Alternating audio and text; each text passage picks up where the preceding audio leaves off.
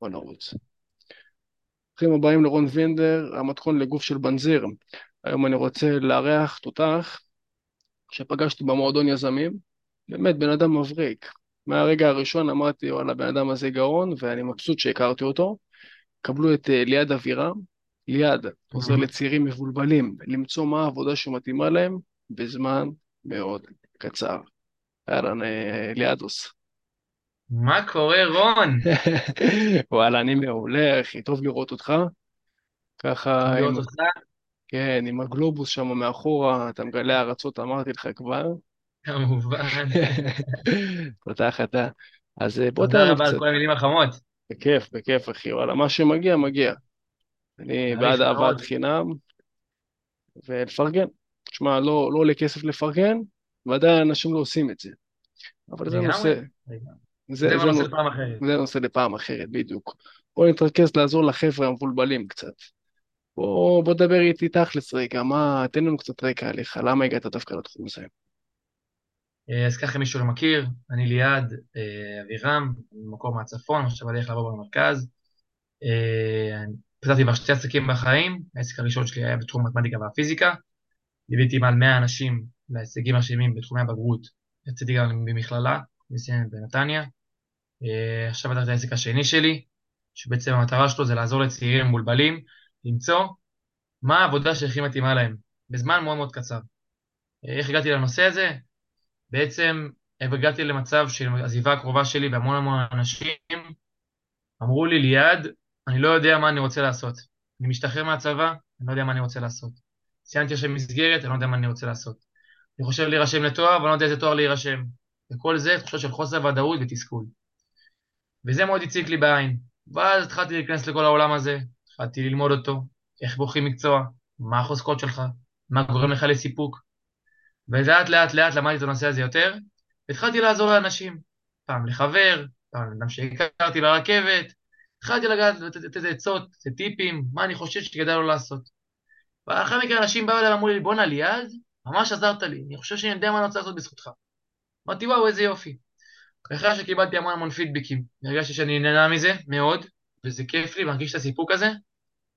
אמרתי שאוקיי, אם הצלחתי לעזור לעצמי, צריך לעזור להרבה אנשים שאני מכיר, למה לעשות מזה עסק? ולכן, פתחתי את העסק שלי. אתה מרשים מאוד, כל הכבוד. למה אתה חושב שצעירים באמת אה, חשים אה, בלבול? אה? יש פה עוד רגע. אותי ליאדוס?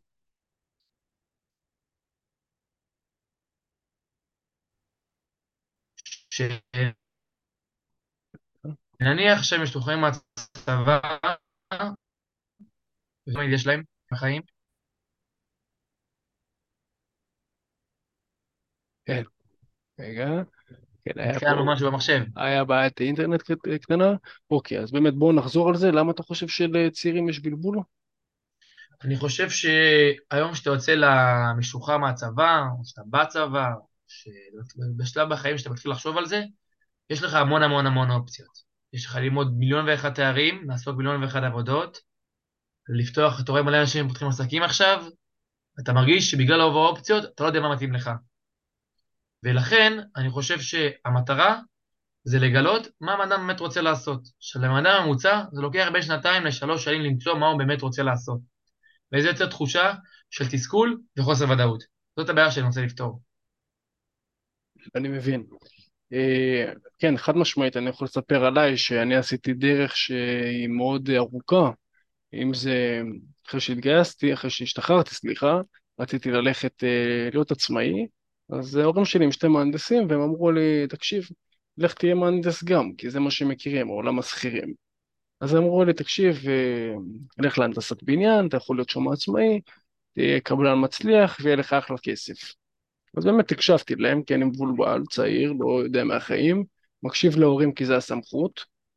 בסופו של דבר אני יכול להגיד שעשיתי שלוש פסיכומטרי, והייתי בבאר שבע, הייתי שם בתקופה שהייתי ארבעה חודשים לבד, לא פשוט, בלי חברים, אה, לא הכי כיף, אבל הקרבתי בשביל המטרה, כדי להיות באמת אה, מהנדס בניין מוצלח.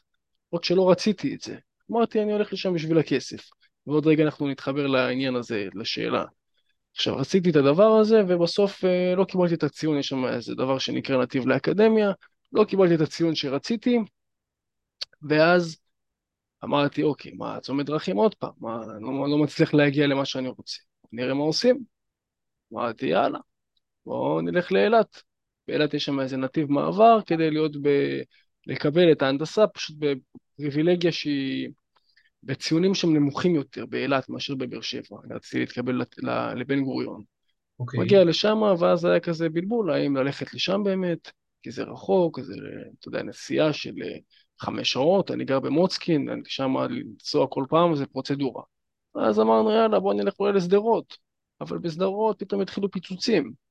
ושדרות לא הכי סימפטי, וגם שם אז הלכתי לראות דירות, ועד שפעם אחת אמא שלי מתקשרת אליי, אומרת לי, תקשיב, וואלה, אין מה לעשות, עזוב, אני מעדיפה שתהיה קרוב אליי, ככה, או במקום שהוא יותר סבבה, יותר סימפטי, כי יש שם פיצוצים ואני מפחדת.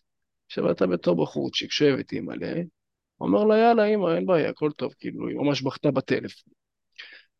ואז שוב, מתחילים כל הפרוצדורות, מה עושים, שוב פעם מבולבלים, רוצים להשיג אה, תואר שלא באמת אתה רוצה, רק רוצה את התחום של העצמאי, ועוד פעם, בלבולים, ואז הגעתי לאריאל, ואני מרחיב על זה באמת בספר, ככה, מה עשיתי בסוף ואיך זה קרה, ספר אגב שבנה אותי, אני לא אעלה בפרטים פה יותר מדי.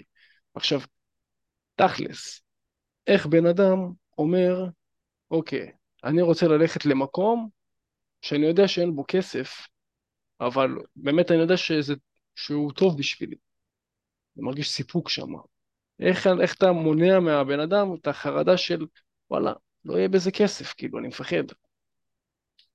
מדהים. קודם כל, שאלה מצוינת. הסיפור שלך באמת אה, הוא סיפור שהרבה מאוד אנשים מזדהים איתו, וגם אני מכיר לא מעט אנשים שעברו משהו דומה מאוד למה שאתה עברת. אז קודם כל, יפה מאוד על השיתוף. דבר שני, אה, מה לענות על השאלה שלך, יש בפרמטר במציאת עיסוק, יש שתי פרמטרים מרכזיים. אחד, זה מה הסיפוק שלי, מה גורם לי לסיפוק. הפרמטר השני, זה מה הדברים שאני חזק בו, מה החוזקות שלי. אתה יודע פה על מקרה שבן אדם יודע מה הסיפוק שלו, הוא יודע מה הוא אוהב, אבל הוא לא חושב שיש בזה כסף. שאלה מצוינת, וזאת התשובה. היום, נכון להיום, זאת 2023, יש לך מיליארד מקצועות בעולם. יש היום, כל יום, יש מקצוע חדש. כל יום, כל יום, כל יום נפתח פה עוד מקצועות, ואנשים היום עושים כסף ובערימות מדברים שלפני חמש שנים היו נראים מצחיקים. יש היום אנשים כוכבי טיק טוק שעושים טונה של כסף, אנשים ביוטיוב שעושים טונה של כסף. היום יש נושאים שמדברים עליהם והם עושים כסף באמת מנושאים שפעם בכלל לא חשבו שעשו מזה כסף. לכן, מה שאני מציע לאותו בן אדם, שהוא מצא את הסיפוק שלו, קודם כל הוא כבר בחצי הדרך. הוא יודע מה הוא אוהב, הוא יודע מה הסיפוק שלו, ועכשיו החלק השני מגיע, זה החלק למצוא מה הוא חזק. השילוב שבין הסיפוק לבין מה הוא חצה זה השלב השלישי כבר. למצוא איך בן אדם חזק, זה לשאול, ללכת לחזור לעבר שלו, לראות כל הפידבקים החיוביים שהוא קיבל, איך הוא באמת, באמת, באמת מצא דברים שהוא חזק בהם, והשילוב הזה, הדבר שהוא אוהב, זה העיסוק שירוויח בו כסף. עכשיו, בכל בן אדם, אני הולך לעשות רון, יש אנשים שהם בנויים להיות מיליונרים, שיש להם מספרים שהם חזקים בהם, ויש להם סיפוק מדברים שהם יהיו מיליונרים בהם, יהיו גם עשרות מיליונים. ויש אנשים שאין מה לעשות, מיליונרים הם לא יהיו, וזה לא נורא. אבל יש דברים שמכל מקצוע וכל בן אדם, אם הוא ייקח את הדברים שהוא חזק בהם, וגורמים לו סיפוק, הסיפוק יגרום לו להתמדה, והדברים שהוא חזק בהם יגרום לו להצליח בהתמדה שלו גם.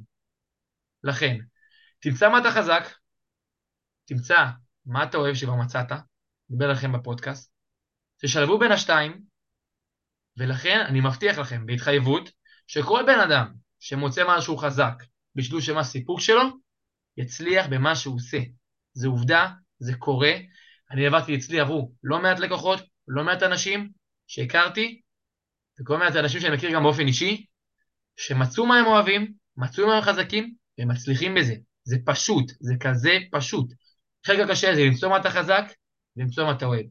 אחרי שמצאת את שתי הדברים האלה, הדרך להצלחה היא מאוד מאוד מאוד מאוד מאוד פשוטה, אבל כמו שאמרת, יש הרבה עקבות בדרך, יש הרבה מאמצים, זה הרבה שעות, אבל בסוף, בסופו של דבר, את המטרה הוא ישיג. אם זו המטרה שלו להיות רופא, אז ייקח לו לפחות שבע שנים ללמוד את התואר, אין פה קיצורי דרך. אבל בסוף את המטרה הוא ישיג. זו התשובה שלי. אה, אמרת פה משהו שהוא יפה. אה, אוקיי, בואו נתחיל לצלול קצת. איך אני יודע במה אני חזק? איזה שאלות אני צריך לשאול את עצמי. שמע, אני מרחיב על זה הרבה יותר בתוכנית שלי ומה שאני עושה, אבל אני אתן לך טעימה קטנה. אתה צריך לשאול את עצמך מספר שאלות. איפה קיבלתי פידבק חיובי מהסביבה? איפה אמרו לי שהייתי קטן, שהייתי צעיר אתמול? מה, וואו, כל הכבוד, איך אתה עושה את זה טוב. וואו, כל הכבוד, אתה תודה בזה. וואו, שאפו עליך. כי בתכלס, אתה על עצמך יכול להעיד הרבה דברים. לשאול את עצמך, וזה, וזה מדהים, וזה לגמרי, אתה מכיר את עצמך יותר טוב מכל בן אדם אחר שמכיר אותך. זה אני יכול להבטיח לך.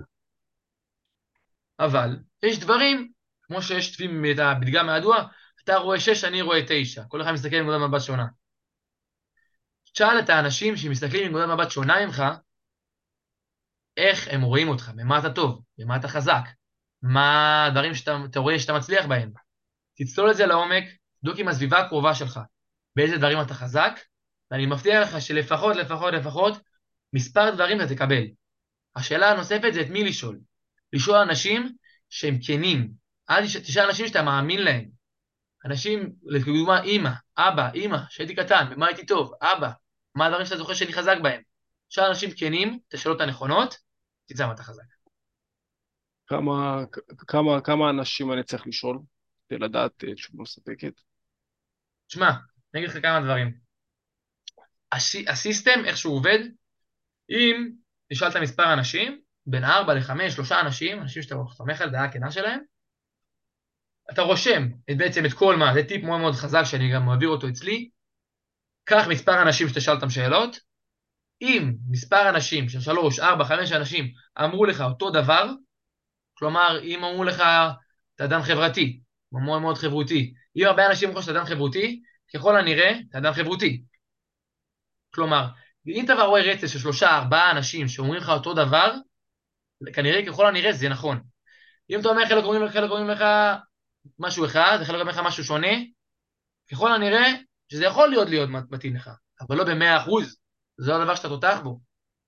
לכן אני ממליץ כמה שיותר פידבקים מכמה שיותר אנשים, כמה שיותר זה יותר טוב, המטרה שלושה ארבעה זה אמור להספיק כבר, אם שלושה ארבעה אומרים אותו דבר, זה אמור להספיק. ואני בא לשלושה ארבעה אנשים ואני שואל אותם, תגיד, במה אני טוב? הייתי מחדד את השאלה הזאת, אבל בעיקרון כן. הייתי מחדד לשאול אותם, אנשים כמובן שכנים, ואני חוזר על זה, כנים איתך, במה אתה זוכר, איזה פעולה עשיתי, לחדד את השאלה, כי לפעמים אנשים, שאתה שואל אותם, שואל אותך כללי, במה אני טוב, טיפה הם מבלבלים, אומרים לך, אתה בן אדם טוב, יש לך לב טוב, אתה, אתה נחמד, אתה מקשיב, שזה אחלה תכונות, כן? אבל זה דברים מאוד מאוד כלליים שבדרך כלל נוגעים להמון המון אנשים. אני רוצה את הספציפיות, אני רוצה שאתה תקבל תשובה ספציפית. לכן הייתי מנסח את זה טיפה שונה. הייתי מנסח את זה אולי כך. באיזה דברים, איזה פעולות אתה זוכר שעשיתי, שאמרת, וואו, אני יותר טוב ממני זה. כלומר, אני אני אסביר את השאלה הזאת שוב. כשבן אדם אומר לך שהוא, שאתה יותר טוב ממנו במשהו, כנראה הוא באמת באמת מחזיק ממך.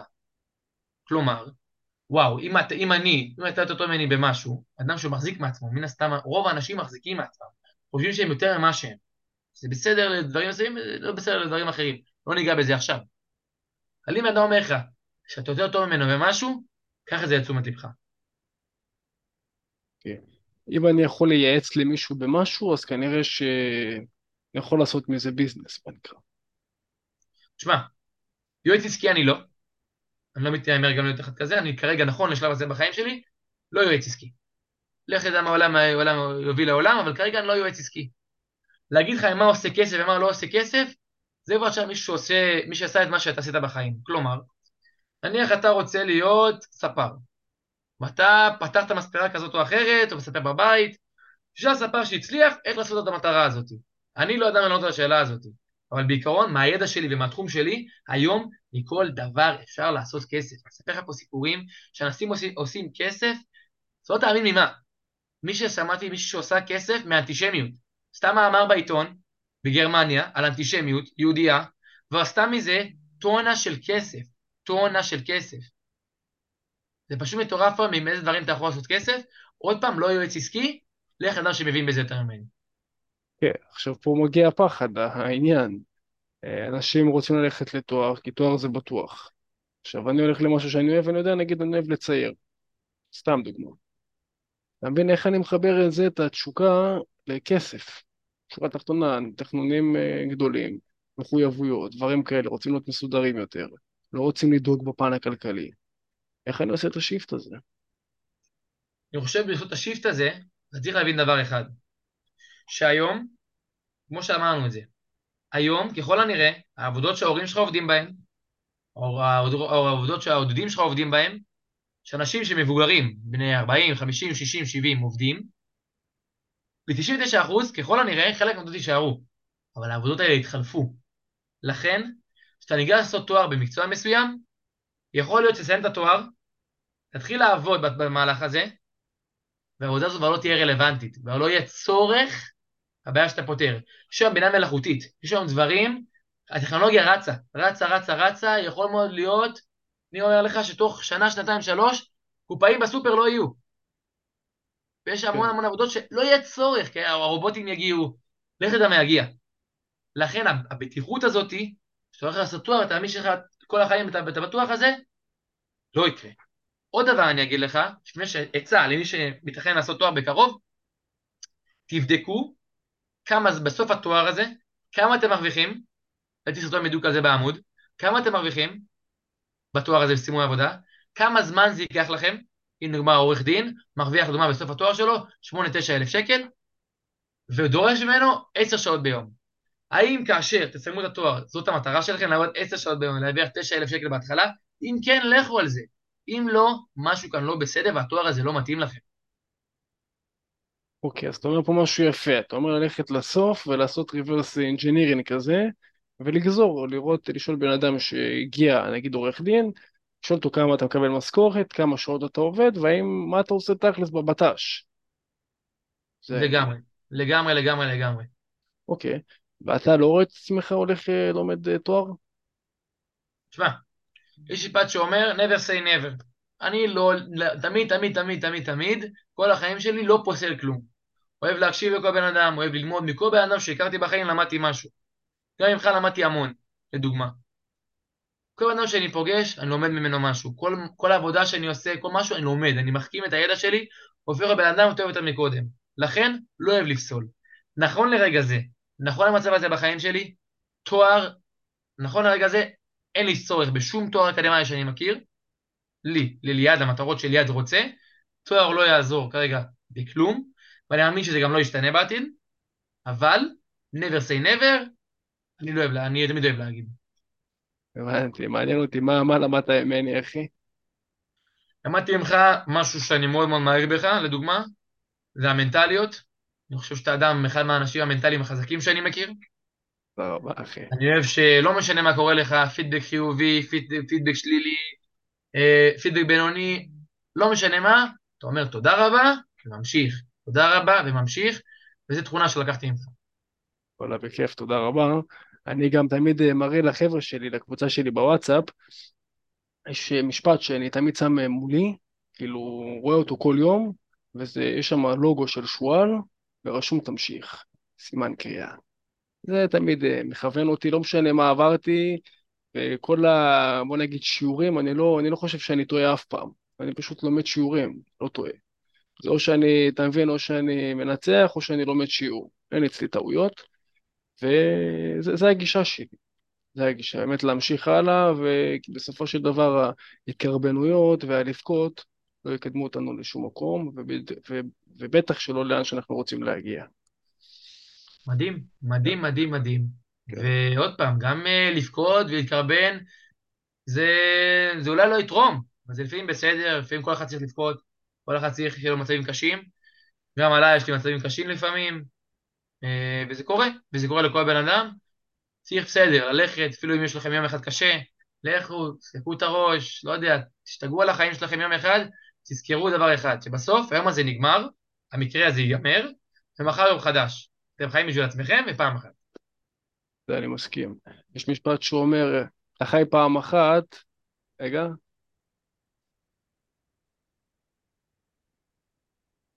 אתה חי פעם אחת, אם אתה חי פעם אחת, לפחות אה, תעשה את זה נכון, משהו כזה. כאילו, אין לך אופציה ב', תחיה את מה שאתה רוצה באמת, תגשים את עצמך ברמה הכי הכי גבוהה, דעות תמיד יהיה, פשוט תעשה מה שאתה רוצה וזהו. סטיב. ג'ובס אה, כל החיים עשה מה שהוא רוצה. אתה מבין? הוא פיתח את התוכנות, עשה את כל מה שבא לו, הוא לא ספר אף אחד ממטר. בסוף, ראית, אתה יודע, מעצמה, אפל, הצליח בקנה מידה היסטרי. וזה זה המתכון לחיים. עכשיו, זה טיפה בעיה, כי אתה יודע, תכלס אפשר לעשות כל מה שרוצים והכל טוב, אבל שוב, נכנס פה העניין הכספי. ופה זה נכנס, אמנם אתה אמרת שאתה לא יועץ עסקי, אולי בעתיד תהיה, אבל uh, פה זה נכנס כבר מנטליות אחרת, וזה אני רוצה גם לחדד לאנשים. תכלס, אני היום עושה מה שאני אוהב, כביכול, את התחום הזה של, ה... של לעזור ללוחמים וכן הלאה. Uh, אבל יש פה עוד מקצוע, יש מקצוע של היזם, מקצוע של למכור ולשווק, ולתת שירות לקוחות. זה פן בפני עצמו, ואפילו זה פן שהוא יותר קריטי. ואתה מבין, כ... כבן אדם שמתעסק במה שהוא אוהב, יש לך פה את הצד הזה. זאת אומרת, אם לא תהיה טוב במכירות, לא תהיה טוב בשיווק, החבר'ה לא יגיעו, לא יהיה ביזנס, לא יקום, לא ידעו עליך, וכל מה שאתה אוהב הולך לטמיון. אז אתה נגיד, סתם דוגמא, אצלך, אתה אומר לאנשים, אין בעיה, תתעסק, בדרך כלל מי שרוצה להתעסק במה שהוא אוהב, אני, בוא תקן אותי מבחינת אחוזים, הרוב הכולל זה חבר'ה שהם עצמאים סלש יזמים, נכון? קודם כל, יש, קודם כל אין פער משמעותי. מהלקוחות שאני עברתי כרגע אין פער משמעותי, זה בסביבות הולך על ה-50-50 דווקא כרגע. כן. לג... מה שאתה אומר פה, זה יותר נכון לגבי עצמאים, שעצמאים באמת צריך לעשות בתח... בעיקר בתחילת דרכו את הכל. אבל מה שמיוחד לעצמאי, שהוא מבין את המטרה שבסופו של דבר.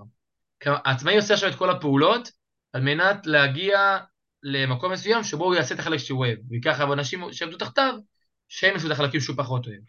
איך אני מגביל את זה לשכירים?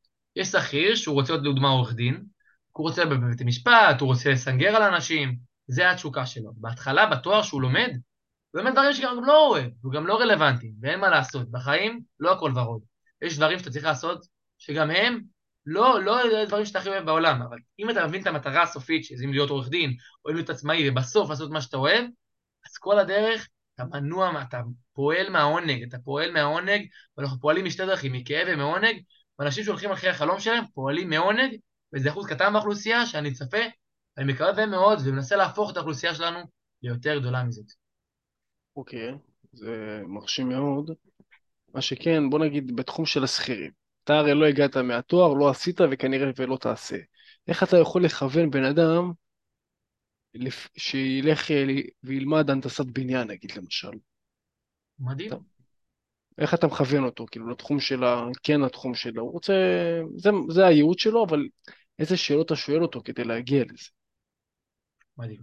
קודם כל, לדוגמה, אני נסעתי בניין, אבל זה, זה תואם לאורך כל תואר, תקן אותי אם אני טועה, איזה, איך אני מתאים בן אדם לתואר ספציפי או למקצוע ספציפי שדורש תואר, הכוונה, נכון?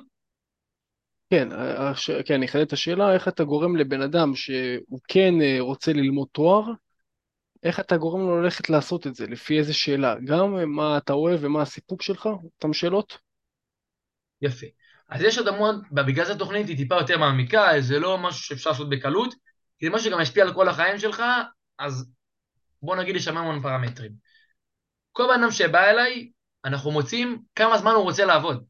יש אנשים שאומרים לי, ליעד, אני רוצה ארבע שעות לעבוד ביום, חייתי להרוויח חמש, שש אלף שקל בחודש, העיקר תן לי את הגלים, אין בעיה, לי בעיה לבן אדם, רצה לעבוד ארבע שעות ביום, שלוש שעות ביום, רצה להיות כל היום להיות בים, התאמנו להיות צלם גלישה, הוא מציין גלישה שלוש-ארבע שעות ביום, ומזה הוא חי כל היום בים.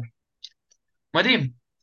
בעיקרון, אתה צריך לשאול את עצמך מספר שאלות, אבל את התהליך הזה עושים בסוף. אתה לא יכול להגיד לעצמך, אני רוצה ישר להיות שכיר, אני ישר רוצה להיות עצמאי, אני ישר רוצה לזה. מאיפה אתה יודע?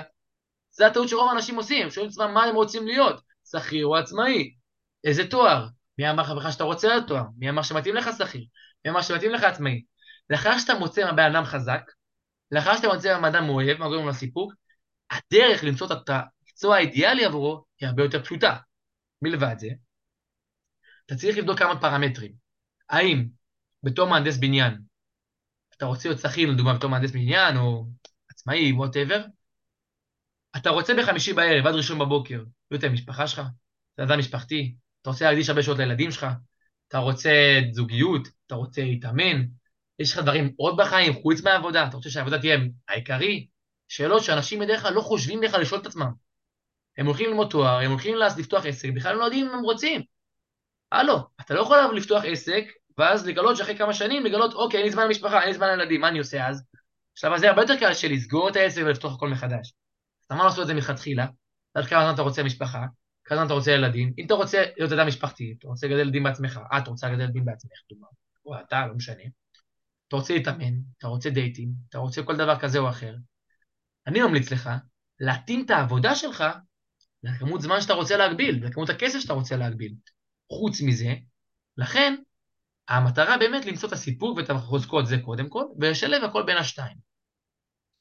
אז אם אני מבין אותך נכון, להבין כמה שעות אני רוצה לעבוד בחודש, ומה אני, כאילו, איזה, איזה לייפסטייל בא לי. לגמרי. איזה לייפסטייל בא לך. אם אתה רוצה להגיד לעבוד שעה ביום ולהרוויח מיליון שקל בחודש, ויש לך חוזקות שנגיד אתה רץ מהר, כנראה אני אגיד, אני אגיד לך במהלך התוכנית, שומע, זה לא אפשר, לא, אני לא חושב שזה אפשרי. לפעמים תיאום הציפיות שלך בין עצמך הוא מאוד גבוה גם. אתה אומר, אני רוצה למצוא עבודה שאני עובד בשעה בשבוע ולהרוויח מיליון שקל בחודש. אחלה, אוקיי, בסדר. אני לפי החוזקות שלך אני מחפש, וככל הנראה שאני לא אמצא, כי לעבוד שעה בשבוע ולהרוויח מיליון שקל בחודש, זה משהו שיצא באמת, יצא מגדר הרגיל. לכן, צריך להתאים את הציפיות בינך לבין עצמך גם. אתה לא יכול לבוא עם ציפיות שכבר אתה בגיל 22 אילון מאסק, ואז אתה פה לעשות את הסכומים שאילון מאסק עושה תוך חודש. זה תהליך עם עצמך, זה כמה אתה שווה עם עצמך, זה תהליך באמת ארוך באופן יחסי, זה תהליך של, אני עושה את זה בשלושה מפגשים, אבל צריך להיות עם עצמך קודם כל, לאורך חיים שלמים, לאורך חיים שלמים. כן, ואם באמת בן אדם אה, צעיר שהוא מבולבל, יש, הוא ראה אותך נחשף אליך באינסטגרם, אה, איך אתה פועל מול, אה, בוא נגיד, הסמכות, שזה ההורים, היא סמכות שהיא יותר גבוהה והם יותר יקשיבו להורים, איך אתה גורם לו דווקא להקשיב לך, מבין? וללכת לפי החלומות שלו. מדהים. קודם כל, כל בן אדם שהוא בוחר להיכנס איתי לתהליך, 90%, 90 מהאנשים מחליטים, מקשיבים להורים כמובן, אבל בסוף מחליטים בעצמם. מה הכוונה? במהלך התוכנית, כמו שאמרתי לך לפני כן, אנחנו צריכים להקשיב לאנשים כנים, שיתנו לנו טיפים. כלומר, אם עכשיו שאלת את אימא ואבא מספר שאלות, הם אנשים כנים, הם יגידו לך גם את התשובות הכנות שלהם. המטרה היא של להבין שזה טוב להקשיב להורים במקרים מסוימים, טוב לשמוע את הדעה שלהם, כי הם באמת רוצים על טובתך ברוב המקרים, הם, הם כנים ברוב המקרים, לכן טוב להקשיב להם. אבל בתכלס, אתה זה שצריך להחליט, ואני פה בסך הכל כלי עזר עבורך. אני לא מחליט עבורך, גם אני סך הכל מייעץ לך דרך שיטה שבניתי. אני מייעץ לך, אני חושב שאני, מה דעתי בסיטואציה, אתה יכול לסמוך עליי ואתה יכול לא. אבל בסופו של דבר, להקשיב להורים זה אחלה של דבר. אם אתה באמת מאמין שהם כנים איתך, רוצים לטובתך, השיגו את המטרות שאתה רוצה להשיג, שזה מאוד מאוד חשוב. זה אחד מהפרמטרים. הורים לא יוצאים מהמשוואה. היה לך מקרה עם בן אדם ש... אה, בוא נגיד, אמרת לו לעשות משהו שהוא באמת אוהב, והוא הלך נגד כביכול, הוא אמר, תשמע, עזוב, ההורים שלי אומרים לי ככה וככה, ועשה באמת לפי ההורים. היה משהו כזה? כן, קודם כל היה מקרה כזה. אה, משהו דומה לו בדיוק, היה לי מקרה שבן אדם בא אליי, אמר לי, ליעד, מצאנו באמת מה אני אוהב, זה גורם לסיפוק, ואני, ההורים שלי מפחדים מפחדים, הם לא חושבים שיש בזה כסף. עכשיו, אם ההורים שלך הם באמת מולטי מיליונרים, והם עשו מה שאתה רוצה להשיג, את המטרות, אם אדם רוצה להרוויח 50 אלף שקל בחודש, וההורים שלו מרוויחים 15 אלף שקל בחודש, ההיגיון הבריא שהוא לא יקשיב להם. כי הם לא השיגו את המטרות שהוא רוצה להשיג. אני לדוגמה לומד מאנשים שהשיגו את המטרות שאני רוצה להשיג. כלומר, אם ההורים שלך מרוויחים 50 אלף שקל בחודש בדרך מסוימת, אתה רוצה להרוויח 50 אלף שקל בחודש גם, המטרות שלכם זהות, ואומרים לך, אה, אוקיי, אל תלך לזה, בוא נשקול את זה טיפה יותר טוב. למרות שאני מאוד ממליץ, אם אתה אוהב משהו, ואתה מצא מקצוע שמתאים לך עליו, לך על זה עד הסוף. אבל אם ההורים שלך לא השיגו את מה שאתה רוצה להשיג, הדעה שלהם, גם אם היא טובה וגם אם היא רעה, היא לא רלוונטית. ומה היה, מה הוא רצה לעשות שההורים שלו אמרו לו, עזוב אותך שטויות? הוא יותר רצה להיות גם בתחום המדיה, הוא רצה להיות בתחום העסקים, רצה להיות עצמאי, אה, רצה לפתוח עסק בעצמו, והבן השתחרר לו מזמן. אה, הוא מרץ, אה, מרץ 20, גיוס שלו, ולא מזמן השתחרר, מי שמזדהה בקהל. אז כן. מה ש... אז הבן אדם הזה בעצם רצה לפתוח עסק ישר אחרי הצבא, לא טיול, לא כלום, ישר עסק, ישר אה, בום, מה שנקרא. ואמר, אה, ההורים שלו אמרו לו, לא, מה פתאום, מפחיד, עסקים היום נסגרים, עסקים היום זה, מאוד הלחיצו אותו. הוא אמר לי, ליעד, אני חולה לפתוח עסק, אני רוצה. בסופו של דבר, בסיום התהליך, אמרתי לו על דבר כזה, הבחירה בידיים שלך. ההמלצה שלי, ממה שאני מכיר אותך, אישית כבר, בעסק תצליח יותר מה, מהתואר הזה או מה שתכננת אחר לעשות. אני אפילו לא זוכר, זה היה יחסית לפני לא מעט זמן, לפני כמה שבועות. והבן אמר, אני לא, לא סגור על זה, אני מפחד, פחד. אמרתי, יש לך שתי אופציות, אתה בן 22 היום, 21 וחצי, משהו כזה הוא היה. הוא אמר לי, אני מתלבט, אמרתי לו, תקשיב, או שתפתח את העסק שאתה רוצה, ולא תצליח, וההשקעה גם בעסק שהוא רצה היה מאוד מינימלית בכסף, זה היה באמת לא סכום שצריך ממנו להרקיע לכת. והוא אמר, אמרתי לו דבר כזה, שאם אתה עכשיו פותח את העסק ונכשל, ונכשל, מה כבר יקרה? אז אמר לי, הייתי מבזבז כמה אלפי שקלים וכמה חודשים מהחיים. אמרתי לו, אוקיי, ואם אתה מצליח? הוא אמר לי, אם אני מצליח, אני מרוויח טוב של כסף, עושה מה שאני אוהב, מגשים את עצמי, חי פעם אחת, ולא מרגיש את המיצוי בפוטנציאל שלי, מרגיש את החוסר תסכול, ואז אמרתי לו, אוקיי. ובשלב מסוים הוא התחיל להבין תוך שהוא מדבר איתי, מה הבחירה הנכונה עבורו. אז אמר לי, ליד, אני הולך על זה בכל הכוח. לכן, מי שמתלבט, תנסו. ככל שאתם צעירים זה גם יותר קל. תנסו, מה כבר יכול להיות? מה כבר יקרה? תעזבו כמה אלפי שקלים וכמה, וכמה זמן וכמה חודשים. זה מה שיעצור אתכם, אתם צעירים, אתם בני 21, 22, 23. מה, מה, מה יכול כבר, מה יכול כבר לקרות? מקס... התואר יחכה, אני מבטיח לכם שהאוניברסיטה לא תסגור את התואר הזה. עדיין יש שם תואר. מקסימום כמה, כמה אלפי שקלים וכמה חודשים בשביל החיים שלכם. לכן, לדעתי הבחירה היא מובנת. רגע, מה, מה קרה בסוף עם הבחורצ'יק? הוא הלך למדיה? ש... אז הוא מתחיל אה, לפתוח את עצמו וזה.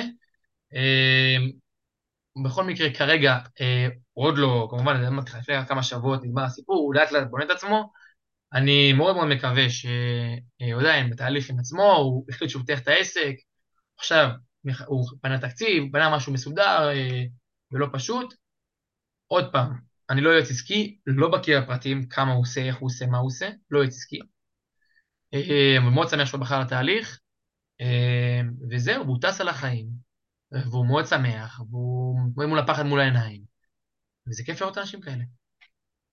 כן, מעולה, זה חד משמעית, אני מסכים איתך. אה, כן, אין ספק, כאילו, תמיד הפחד ינהל אותנו, כאילו, אתה יודע מה ההבדל בין אנשים מצליחים לאנשים שהם לא מצליחים? תספר לי. אנשים מצליחים עושים את זה למרות הפחד. כולם מפחדים. למה? גם אני מפחד. גם אני, וואלה, אני לא רובין הוד ואני לא איזה סופרמן, מפחד. אבל וואלה, אני, שאני אגיד לך, אני אגיד לך משהו ובאמת נסכם. אני, כשאני הוצאתי את הספר שלי, אני באתי לעומרי כהן, הוא, אני מכיר אותו כבר הרבה שנים, אני מכיר אותו עוד מאז שהוא היה עם מתן איסטור, שמתן איסטור בא ועשה אצלו ייעוץ עסקי במאמן כושר. כאילו, אני ומתן ניסטור התחלנו באותו פרוצדורה. כאילו. אוקיי. אני התקשרתי אליו עוד אז למתן ניסטור, אמרתי לו, תקשיב, מה, מה אתה ממליץ על הליווי של עמרי? הוא אומר לי, כן, כל מה שהוא אומר, ת, תגיד אמן, תעשה מה שהוא אומר. היום הוא נהיה איתו שותף וזה, וכן הלאה. בכיף, מפרגן לו באהבה. אז כשבאתי לעומרי, אמרתי לו, תגיד, מה אתה אומר, להוציא ספר? כי רציתי, אתה יודע, אני, החלום שלי באמת, להיות מיליונר עד גיל 30. אמרתי את זה גם, החבר'ה יודעים, העוקבים שלי יודעים, אני לא, לא מסתיר את זה, הכל טוב. ואני זוכר את אה, עומרי, ששאלתי אותו פעם אחת, תגיד עומרי, מה, מה אתה אומר, לכתוב ספר? כי ידעתי שהוא, אתה יודע, כי לפי המודל PPP, אתה זוכר? של public, אה, אם אתה זוכר בהרצאה האחרונה של היזמים, הוא אמר, אם בן אדם רוצה להיות גדול, הוא צריך לעמוד על במה, הוא צריך להוציא ספר, הוא צריך להיות ברשתות החברתיות, והוא צריך שיהיה לו פודקאסט, או שישמעו אותו יותר. ובוא נגיד, הכל עשיתי, אני צריך יותר לעמוד על במות, ואמרתי, יאללה, בוא נעשה גם את הספר. אומנם קיבלתי את, את, הפלש, את הפלאשים האלה שאני צריך להוציא ספר עוד מזמן, כי זה גם יכול להיות אחלה, אחלה הכנסה פסיבית. אבל מה שכן, עמרי אמר לי, אל תוציא. אמר לי, אל תוציא. ואני עדיין הלכתי, אמרתי, לא משנה מה, אני רוצה להוציא ספר בגיל שהוא מוקדם. וזה גם מסר לחבר'ה. ברגע שאתם רוצים להוציא ספר, אין בעיה, תוציאו את הספר רק אם יש לכם שני דברים. אם אחד, אתם יכולים לחדש משהו בעולם, שתיים, זה אם יש לכם קהל שיקנה אותו. כי אם עומרי עכשיו מוציא ספר, עומרי כהן מוציא ספר, והוא יוציא, הוא צריך להוציא עוד מעט ספר, יקנו אותו. כי יש לו קהל, אנשים מכירים אותו. אני, כשאני עשיתי את זה, לא היה לי קהל, באתי עשיתי השקה, היה איזה 70 אנשים שהגיעו וקנו את הספר וכן הלאה, היה נחמד, אתה יודע, בעיקר משפחה ו... וחברים. אז כן, כביכול נכנס לי כל כמה חודשים הכנסה פסיבית של כמה עשרות, מאות שקלים, אבל שוב, כאילו, יש חותם פה של ספר שכתבתי אותו, גם מי שקרא אותו, אמר לי, תשמע, הספר הוא די בוסר. כתבתי אותו שהייתי גם, אה, ככה השתחררתי, גיל 22-3, הוצאתי אותו. אז זה ככה, הלכתי עם הלב, אבל בסופו של דבר לפעמים העניין של הספרים וכן הלאה, אתה רוצה להתפוצץ ולחשוב גדול, בסוף אה, עדיף לו טיפה להמתין וטיפה להיות סבלני, מה שלקהל שלנו בדרך כלל אין. זה בקטע הזה. אה, וואלה, תקשיב, אה, ליאדוס, תודה רבה על הדברים שלך. אם באמת רוצים למצוא אותך או להתייעץ איתך, איך אפשר? ליד אבירם, באינסטגרם, עומר גם בטיקטוק. נכנס חזק עכשיו בטיקטוק. תן בראש. ליד אבירם באינסטגרם, יש שם המון המון טיפים, המון המון ערך. יש קבוצת וואטסאפ שדרך האינסטגרם אפשר להגיע אליה. יש המון המון דברים והפתעות בדרך, ממליץ להיכנס בחום, יש שם טיפים שבאמת יכולים לעזור לכם בקלות למצוא מה, מה הסיפור שלכם בחיים, מה העבודה שמתאימה לכם. ועוד פעם, אם אתם מרגישים שאתם לא מצליחים לבד, תנסו לבד. קודם כל, מבטיח, תנסו לבד. אם אתם לא מצליחים לבד, תפנו אליי, יש שיחת ייעוץ בחינם. אני יכול לתת לכם שיחה של 10, 15, 20 דקות שיחה, שבעצם יעזור לכם למצוא אולי מה שאתם רוצים. אם אתם רוצים עוד, בכיף, כל דבר, ליד אבירם באינסטגרם. יאללה, מלך תותח. נעשה עכשיו סוויץ' אה, כזה לתחום של ה... נעזור קצת ללוחמים שלנו בגבולות, לעלות במסה, יאללה. אחי. יאללה, בוא עכשיו נעשה סוויץ'. יאללה. אני, יש לנו חצי שעה, נכון? עד שמונה חמישים אני אעשה את זה, משהו כזה? 26 אה, דקות כזה, כן.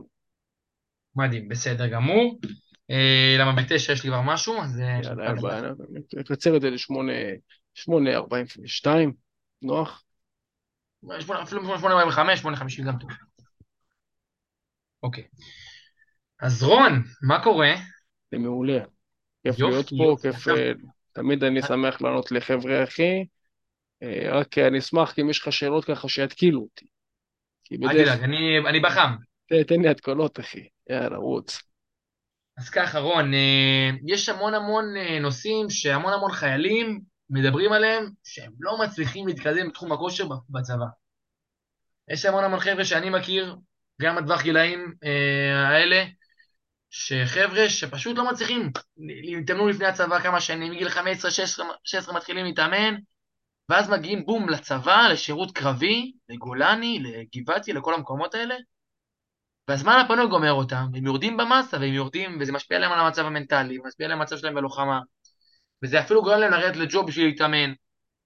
איך היית עובד על הפן המנטלי איך אתה ממליץ ללוחם עכשיו, שבן אדם עכשיו אני בא, נניח בן 18, רוצה להתגייס לגולני, והתאמנתי כל כך הרבה שנים, איך אני מגיע למצב שאני לוחם, והמנטלי שלי ממשיכה להאמין, אוקיי, עוד מעט נגמר ההכשרה, או איך אני מוצא זמן בעצם אה, לשמור על כושר, מה שבדקתי כל השנים. פן המנטלי. אה, בפיתוח גוף המנטלי בא לידי ביטוי בלעשות תמיד עוד חזרה עוד שתיים, למרות שאתה לא מאמין שאתה תעשה. שם הפן המנטלי כל הזמן משחק תפקיד.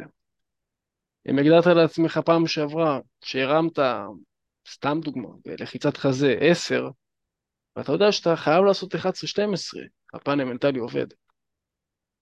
לעשות דברים גם שלא בא לך.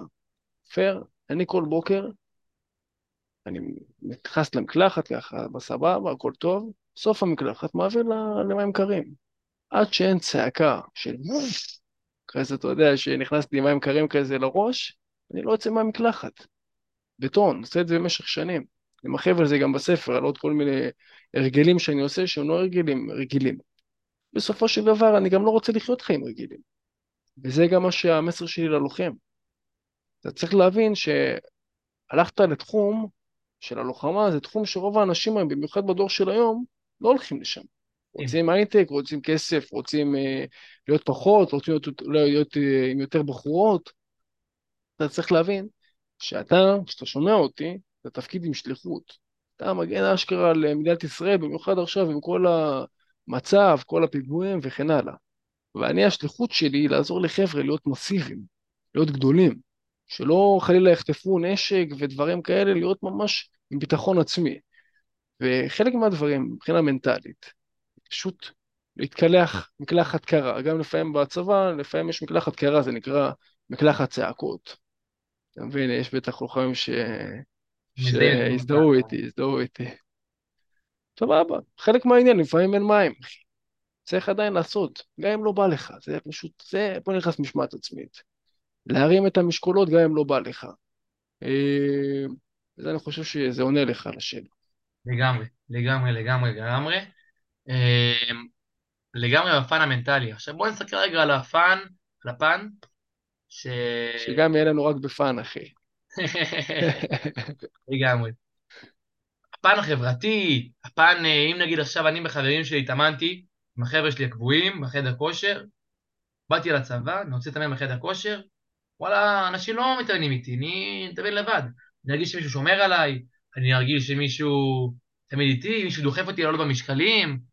בצבא אין לי את זה. אין לי מי שיתאמן איתי, אני בחדר כושר בצבא, ואין לי מי שיתאמן איתי. איך, עושים את הסוויץ' הזה מלהתאמן עם חברים, שהצליח לי, להתאמן לבד. כשאתה מתאמן אה, לבד, אתה מתאמן יותר, יותר ממוקד, כי אין מה לעשות. בדרך כלל כשבאים עם חברים, באים להסתלבט. באים מדברים, באים אה, מה העניינים, מה קורה, שיחות מסדרון, מה איתך, מה פה, מה שמה. זה לא מקדם לא אותך ולא את מי שאתה מגיע לדבר איתו. אלא אם כן, אם שתיכם באים בטון, כאילו עוזרים אחד לשני, לא מוצאים הגה מהפה, כל אחד אה, ספוטר, שזה אחד שעוזר ל... עומד מאחורי הבן אדם כדי אה, שלא תיפול עליו מהמשקולת, כל פעם מתחלפים, שקט מופתי, רוב האנשים לא עושים את זה, אז אני באמת ממליץ כן ללכת אה, לעבוד לבד. עכשיו, בדרך כלל גם זה יעזור לך להיות בן אדם חברותי יותר. אתה עובד לבד, אתה מגיע לחדר כושר, נגיד אתה עכשיו באיזה, סתם דוגמא, מוצב, אתה נכנס למוצב, אתה עם היחידה שלך ונכנסה שם, בדרך כלל יש עוד שילוב של יחידות. לוחמים נמצאים, כן. וכל פעם מגיעים כל מיני לוחמים אחרים ועושים לפעמים עבודות ביחד, או כל מיני מבצעים, תרגילים ביחד. זה אחלה דרך להכיר אנשים אחרים. תהיה בן אדם חברותי. ויטמין, אתה יודע מה הוויטמין הכי חשוב? דבר אליי? ויטמין P, ויטמין protection, אחי, פרוטקציה. זה הדבר הכי חשוב. תמיד חשוב להקיף אותך בכל מיני אנשים אחרים, אז כן, לא בושה. להגיד לבן אדם, תקשיב, בוא שמור עליי. לכוון אותו, זה גם דבר שהוא חשוב. צריך לכוון אותו לפני ולשאול אותו שאלה פשוטה. תגיד, אתה יודע איך שומרים? אם הוא אומר לך לא, בוא, אה, ג'יגי ג'יגי, עזוב, כי אתה שם את החיים שלך בידיים שלו. אם כן. הוא מראה לך תנועה כזאת, כן, כן, אין בעיה, אני עושה את התנועה הזאת, בדרך כלל שומרים עם אותות, כל מיני לחיצת חזה, כל מיני כן. ג'יג, אה, פעולות כאלה, אז אתה יודע שהוא יודע את העבודה, ותמיד תגיד לו גם מה המספר חזרות שאתה רוצה לעשות. ופשוט זה, אין לנו פה יותר מדי ניסים. להפך, דווקא כשעובדים לבד, אתה מספיק יותר, ואתה, ואני גם ממליץ לרשום את מה שעושים. ברגע שיש לך תיאוריה, זה גם אחד הכלים ה... אני מתאמן כבר שש שנים, כן? וזה אחד הכלים שכל פעם עזר לי, גם כשהייתי ממש אה, שכיף, ממש ממש ממש רזה, תמיד תמיד כתבתי את מה שאני עושה. תמיד הייתי ב... לשים את זה מול העיניים, לשים את הכמות משקל, את הכמות חזרות, תמיד לעלות שם בכמות חזרות. וברגע שאתה עושה את זה, אתה רואה פתאום עלייה באחד, שתיים, אז אתה אומר, אוקיי, זו עלייה קטנה, סבבה. הכל טוב, עליתי, לפחות אה, יש לי את המוטיבציה. אימון הבא, עוד אחד, שתיים. יאללה, סבבה, יש לי מוטיבציה.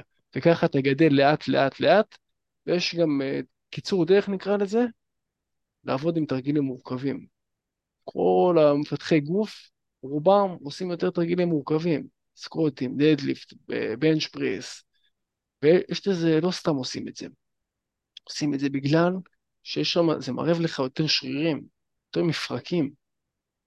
יש תרגיל שנקרא פארמר ווק, זה תרגיל שאתה לוקח שתי משקולות בשתי הידיים, שתי פלטות, או יש איזה כזה מתקן יהודי, ופשוט הולך עושה, עושה הלוך חזור. על פניו מתקן אה, סבבה, אבל המתקן הזה, המתקן עובד על אה, שרירי הזרועות, עובד לך על אה, ידיים, עובד לך על אה, כתפיים, על טרפזים, על רגליים, הוא עובד על הרבה מאוד דברים, וזה קיצור דרך משמעותי. מדהים, מדהים, מדהים, מדהים. זאת אומרת לי בעצם פה, בשורה התחתונה, מה שאתה אומר לי פה, שהפחד הזה שכביכול אנשים מפחדים לוחמים, שמי להתאמן עם חברים, מתחיל להתאמן לבד, זה יכול להפוך דווקא מחיסרון ליתרון. ברור. אלא אם כן, החבר שאיתך הוא מדרבן אותך, ועדיף תמיד להיות עם חבר שיותר גדול ממך. אתה לא רוצה כן. להתעכב על, אה, בוא נגיד תכלס, אתה יודע, כמו בטיסה, הרי יש מסכות חמצן, לא יודע אם אתה מכיר את הדוגמה הזאת.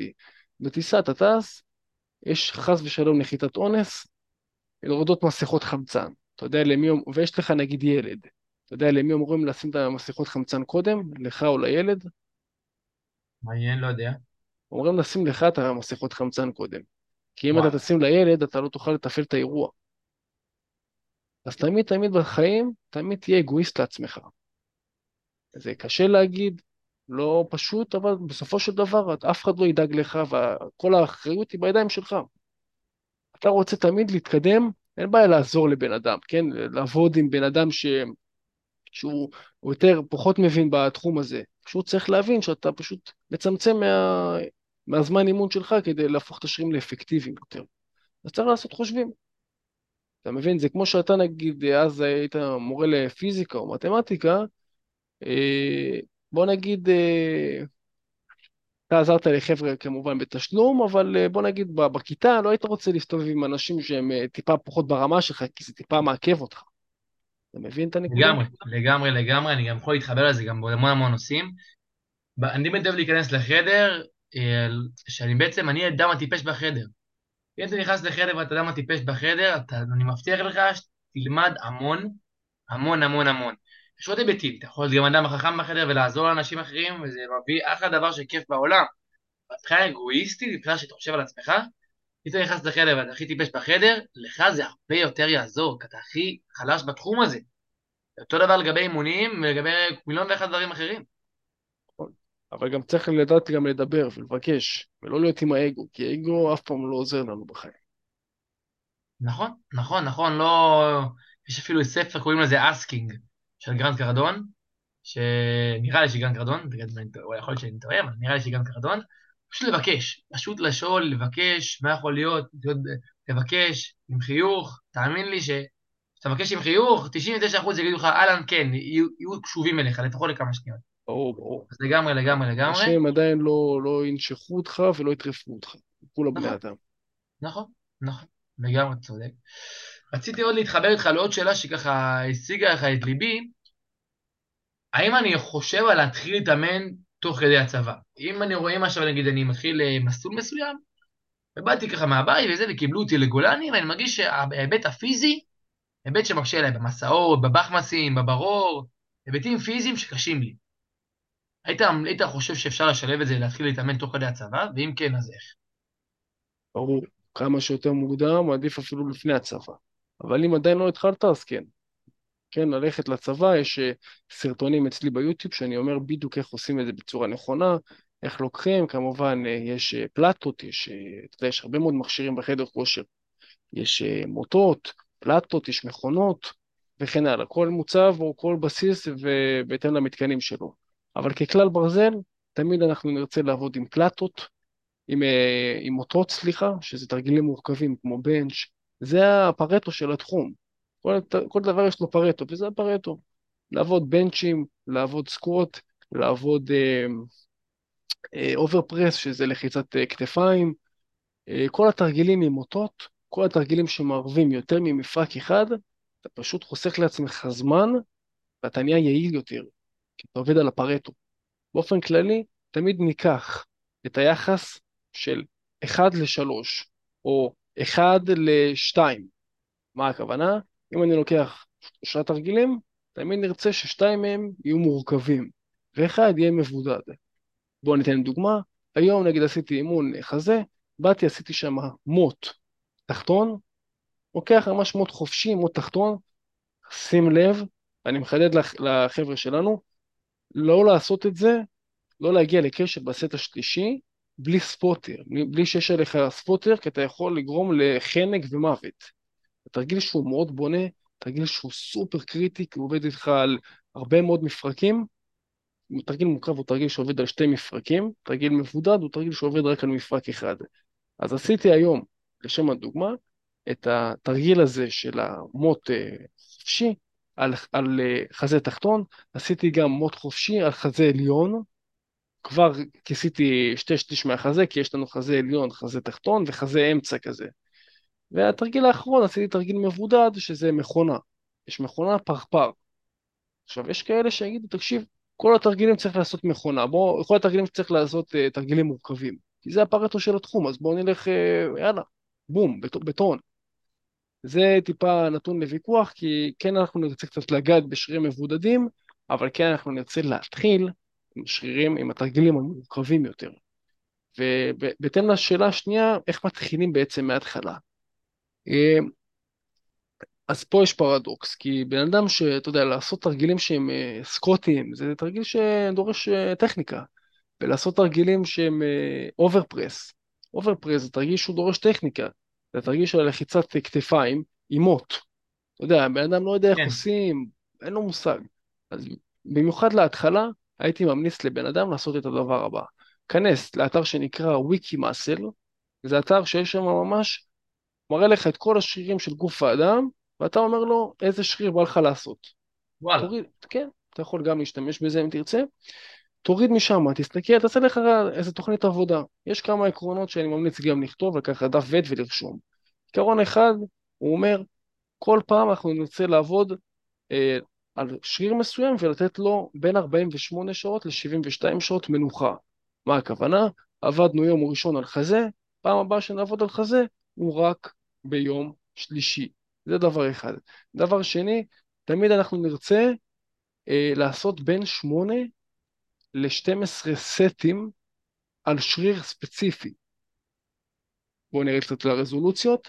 מה זה אומר? נגיד חזה, אני רוצה להגיע ל-12 סטים, 12 סטים אני מכניס שלושה תרגילים, בכל תרגיל אני עושה שלוש סטים. אז עשיתי נגיד ש- שלושה תרגילים של uh, חזה, שבכל תרגיל שלושה סטים, סך הכל הגעתי לתשע, אוקיי? והטווחים זה בין 8 ל-12. אז אתה יכול להכניס לשריר גדול עוד שלושה סטים, אין בעיה, ואז יוצא לנו את ה-12. עכשיו, זה עיקרון שני. עיקרון נוסף אומר עיקרון הבא. יש פה הרבה משחקים של אה, מספרים, אתה בטח תאהב את זה מתחום המתמטיקה וכן הלאה. כל שבוע מחקרים מראים שכדי שיהיה לנו מסה שהיא גדולה, אנחנו נרצה לעבוד בין 10 ל-20 סטים שבויים. עכשיו, כל הדבר הזה אתה רוצה לחלק את זה לפי העקרונות שאמרתי. בין שריר לשריר, פעם כשאתה רוצה לעבוד על שרירים, עובד על אה, יום מנוחה, בין פעם אחת שאתה עובד עליו ליום השני, יש לנו בין 8 ל-12 סטים לאימון, ויש לנו בין 10 ל-20 סטים שבויים, זה שלושת העקרונות מאוד מאוד קריטיים. עכשיו, בהתחלה בן אדם הרי לא יעשה קצת סקווטים ולא יעשה בנץ' פרס, אין לו מושג, הוא רק, הוא רק נכנס לעולם הזה. אז הייתי ממליץ לו שייכנס לוויקי מאסל וייכנס לתרגילים של אה, משקולות חופשיים. תראה איך עושים את התנועה, תבין איך עושים, תתרגל קודם. תעשה שבועיים שלושה, תבין את הטכניקות, תבין שברוב התרגילים אנחנו נרצה לעבוד עם אה, אמה ישרה, נגיד בתרגילי החזה תמיד אמה ישרה, כל מיני ניואנסים קטנים שעם הזמן אתה תבין ולאט לאט אתה תבין איך הגוף באמת עובד טוב. ואז אחרי שלושה שבועות, ארבעה שבועות, הייתי ממליץ כן להתחיל לעבוד למה שנקרא למשחק של הגדולים, איזה כל המוטות, כל המשחק הזה. אתה מסביר משהו כזה בעמוד שלך, בוואטסאפ, טיפים לאנשים שהם אה, ממש רוצים באמת, כמו שאתה אומר, במשחק של הגדולים והכל, איך עושים את המעבר הזה, יש טיפים, משהו מסרטון או משהו שאתה מסביר על זה, איך עושים את זה במדויק?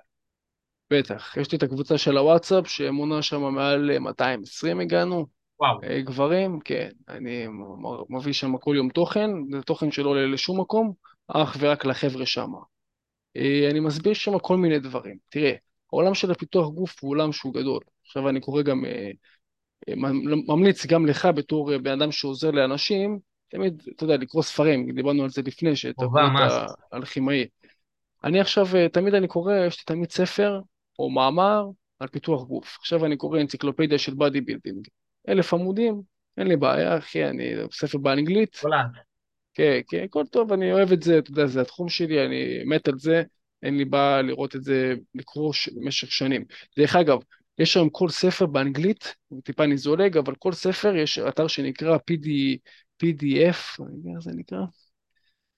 PDF? זה נקרא, זה נקרא PDF Drive, שיש שם את כל הספרים שאתה רוצה, באנגלית, בחינם. וואלה. כן? מה שאתה רוצה יש שם.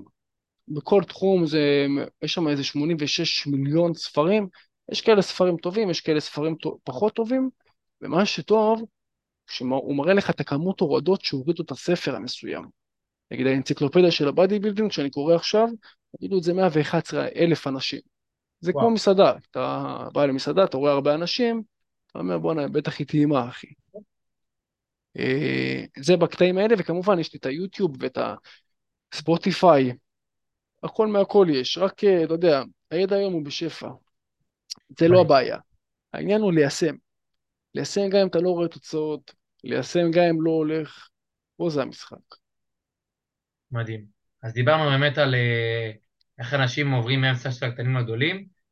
מה שרציתי לשאול אותך, אז דווקא אנשים מסוג שונה, חיילים לדוגמה, שהם כבר, כן, הם במסע של הגדולים, עושים דדליפ, סקווטים, עניינים, אבל הם אה, באמת מתאים לזה גם שמן הסתם אולי הם בסיירות, אנשים מהסוג הזה. יש סיירת גולני, סיירת אפילו מטכ"ל, שייטת, מקומות מאוד מבחרים בגב העבר בתחום הכושר שלהם, ואין להם את הכמות זמן שיש לאנשים מחיר רגיל. כי יש להם לו"ז יותר צפוף, יש להם הרבה דברים אה, בלת"מים וכאלה ואחרים. איך היית ממליץ אה, למקסם את האימון לזמן פחות, אולי להקדיש פחות זמן בשבוע, ועדיין למקסם ולהגיע לפחות או אותן תוצאות? אוקיי. אה, יש דבר שנקרא סופרסט, שזה לעשות אה, שתי אה, תרגילים אחד אחרי השני, בלי מנוחה, פשוט לעשות אותם. זה תרגיל אחד, זה דבר, עיקרון אחד. דבר שני זה פשוט לעשות יותר תרגילים מורכבים, אבל קח, קח בחשבון שתרגיל מורכב, אנחנו נרצה אומנם, הוא עובד לנו על הרבה סוגי שרירים, אבל נרצה בין סט לסט לבצע דווקא שתי דקות הפסקה. אוקיי, אז אם אנחנו קצרים בזמן, אז צריך שם, נגיד אנחנו עושים לחיצת חזה, אז אם אנחנו רוצים להרים משקל שהוא כבד, כל פעם נרצה לעשות שתי דקות הפסקה. אבל בוא נגיד אם אנחנו עכשיו אה, ממש, בוא נגיד אה, לשם הדוגמה, יש לנו חצי שעה, שעה, חצי שעה יש לנו להתאמן. הייתי אומר, אפילו מבחינתי, לך על תרגיל אחד, לא צריך עכשיו שלושה תרגילים, לך תרגיל אחד, תעבוד לפי הפרטו, תקרא את השריר רק איתו, תעשה שמונה סטים, וואו. תעשה עוד תרגיל, שמונה סטים, זאת אומרת, תרגיל אחד נגיד, סתם דוגמה, ת, תלוי, בוא נגיד ככה, כמה פעמים אה, הבן אדם אה, רוצה להתאמן בשבוע, ויש לו נגיד רק חצי שעה? לדוגמה, יש לו שלוש פעמים בשבוע של חצי שעה. אוקיי. אז יש לנו, צריך, בוא נעשה, כאילו, זה, גם קיצוני, פה... זה מקרה קיצוני מה שהצעתי פה. כן, כן, אין בעיה. זה, יש פה reverse engineering, אוקיי? מה זה אומר? אנחנו רוצים להבין uh, את הכמות של השרירים, יש, uh, יש לנו כתפיים, חזה, רגליים, uh, גב, ידיים, uh, וכן הלאה, בטן. צריך להבין מה הדבר הספציפי עבורך, איזה שריר הכי הכי ספציפי היית רוצה. כמובן, כולם יגידו, אני רוצה להיות הכל גדול. הכל טוב, אבל יש בדרך כלל איזה שריר אחד, שתיים, שאתה רוצה יותר להבליט. בדרך כלל גברים זה חזה וידיים, וקצת כתפיים כאלה, אז פשוט אני אומר, אוקיי, לך, תעבוד אה, ממוקד, רק נגיד על אה, כתפיים. באימון אחד תעבוד שמונה סטים תרגיל אחד, שאתה יודע שהוא הכי הכי אפקטיבי, נגיד overhead press, ברגע שאתה מגיע למשחק של הגדולים, תעשה אותו שמונה סטים. אחרי זה תעשה עוד, אה, עוד אה, שריר אחר, תעשה, נגיד, סתם דוגמה, יש לך שלושה ימים, אתה רוצה להכניס את כל, ה, את כל, ה, את כל השרירים, אחי, במהלך השלושה ימים האלה, פשוט צריך פשוט קודם כל לרשום אותם, זה או שאתה עושה את זה לבד או שאתה מביא את זה למאמן כושר, כי יש פה את העיקרון הזה שאנחנו לא רוצים לחזור פעם, יום אחרי יום על אותו שריר.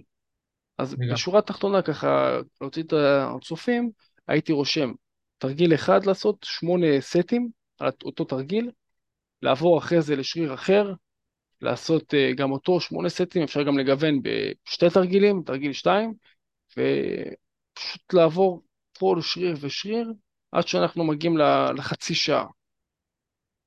זה אני מאמין שייתן את העבודה. כמובן, יש פה עוד טכניקות שתמיד אנחנו נרצה באימונים להתחיל עם תרגילים מורכבים. תרגיל מורכב כי מן הסתם הוא לוקח לנו שתי מפרקים, אז אנחנו נקדיש אליו יותר, יותר, אה, יותר זמן אימון. ו, ו, ו, יש גם כמות של שרירים, אתה יודע, זה לפי, יש כזה דבר, שאתה נגיד ממלא קרוס, אז אתה רוצה קודם כל לשים את האבנים הגדולות ואז את החול. אז האבנים, אז. אז, אז האבנים הגדולות זה, זה המורכבים, תרגילים המורכבים, והשרירים הגדולים. נגיד, אתה לא תעשה תרגיל של אה, ידיים לפני תרגיל רגליים, זה לא עובד. זאת אומרת, זה יכול לעבוד, אבל אתה כאילו, יש לך 100% סוללה, אתה כבר מוריד אה, 30%, חבל, אבל הרגליים זה שריר גדול יותר. הבנתי מה אתה אומר, הבנתי לגמרי. רון, ככה שאלה אחרונה ככה שאני רוצה לספר, לשאול אותך יותר נכון, זה כלומר, אתה בעצם מסכם לי ואומר לי שהיום, בן אדם שמתגייס לקרבי, לצה"ל, בכלל לקרבי, לסעות מיוחדות וכאלה ואחר- וכאלה ואחרים, לא אמור להשפיע באופן דרסטי על אופן הפעילות שלו בחדר כושר. תראה, להגיד לך שזה לא ישפיע באופן דרסטי, אני טיפה אצא שקרן, זה כן ישפיע, כי אין ספק, אתה לא אין לך את כל הדברים שיש לך בבית, כל השמונה שעות שינה, אה, כל המאכלים שאתה רוצה, חלבון בשפע, אין, אין ספק, הביצועים שלו יכולים טיפה לרדת. אבל אם הוא הולך לפי העקרונות שאמרתי, כמובן יש עוד פיתוח גוף זה תחום שעולם ומלואו, אבל אם הוא הולך לפי העקרונות האלה, והוא הולך לפי העקרונות שדבר ראשון שצריך כדי לעלות במסה זה העניין של העודף קלורי, לא אימונים, אימונים זה החלק הפחות קריטי.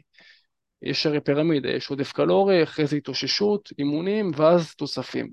הוא מבין את העקרונות האלה, הוא מבין שבסופו של דבר צריך לעשות בין 8 ל-12 סטים.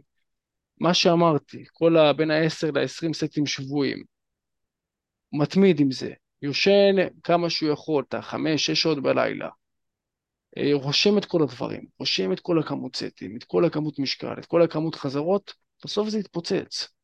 פשוט צריך להיות, מה שנקרא, כמו, כמו סוס, הוא לא יודע לאן הוא זה, לאן הוא רץ, פשוט תרוץ, אחי. פשוט תרוץ, בסוף זה מגיע הדברים האלה. רק צריך להתמיד. כוח, כוח ההתמדה. אה, וואלה, באמת שאלות, אה, שאלות מצוינות. דרך אגב, אם מישהו רוצה לשמוע עוד מההרגלים שלי, או איך אני צובר יותר ביטחון עצמי, גם מבחינה של הביזנס, איך הלכתי למרות uh, הדברים, ובסוף כן עשיתי וכן פתחתי, והביקורות שהיו שם, וכל מיני דברים שעיצבו אותי, אני מרחיב יותר בספר שלי, שאני אתן פה לינק למטה. שמחתי באמת לשוחח איתך, אליאדוס. מאחל לך באמת רבה. כיף. מאחל לך הרבה בהצלחה, ואני בטוח שאתה תעזור להרבה מאוד גברים למצוא את הייעוד, אחי, ובכלל נשים, גם, נשים, גם נשים. גם נשים, נכון. אה, לגמרי, היה לי אפילו בחורות אה, מאוד מבוגרות גם, ה- כל המקרים, באמת, שמחתי לדבר איתך רון, אתה אחלה בחור, מאוד מקצועי, ממליץ בחום, הלוואי שתצליח גם אתה הרבה יותר ממה שאתה מצפה אפילו. רבה. וזהו, חבר'ה, כיף לי, כיף מאוד, תודה רבה. ליעד אבירם באינסטגרם, אל תשכחו. יאללה, מעולה, בכיף, אחי. יאללה, שיהיה ערב מצוין ותן בראש. גם לך, אחי. גם לך. ביי ביי, תעדכן להתראות. אותי שעולה הזה, רון. בטח, בטח, אני אעדכן אותך. אני גם מעלה את זה, העליתי בסטורי כבר, אתה יודע, העליתי בסטורי כבר, אה, שאני הולך לפודקאסט שלך כבר היום, רון וין.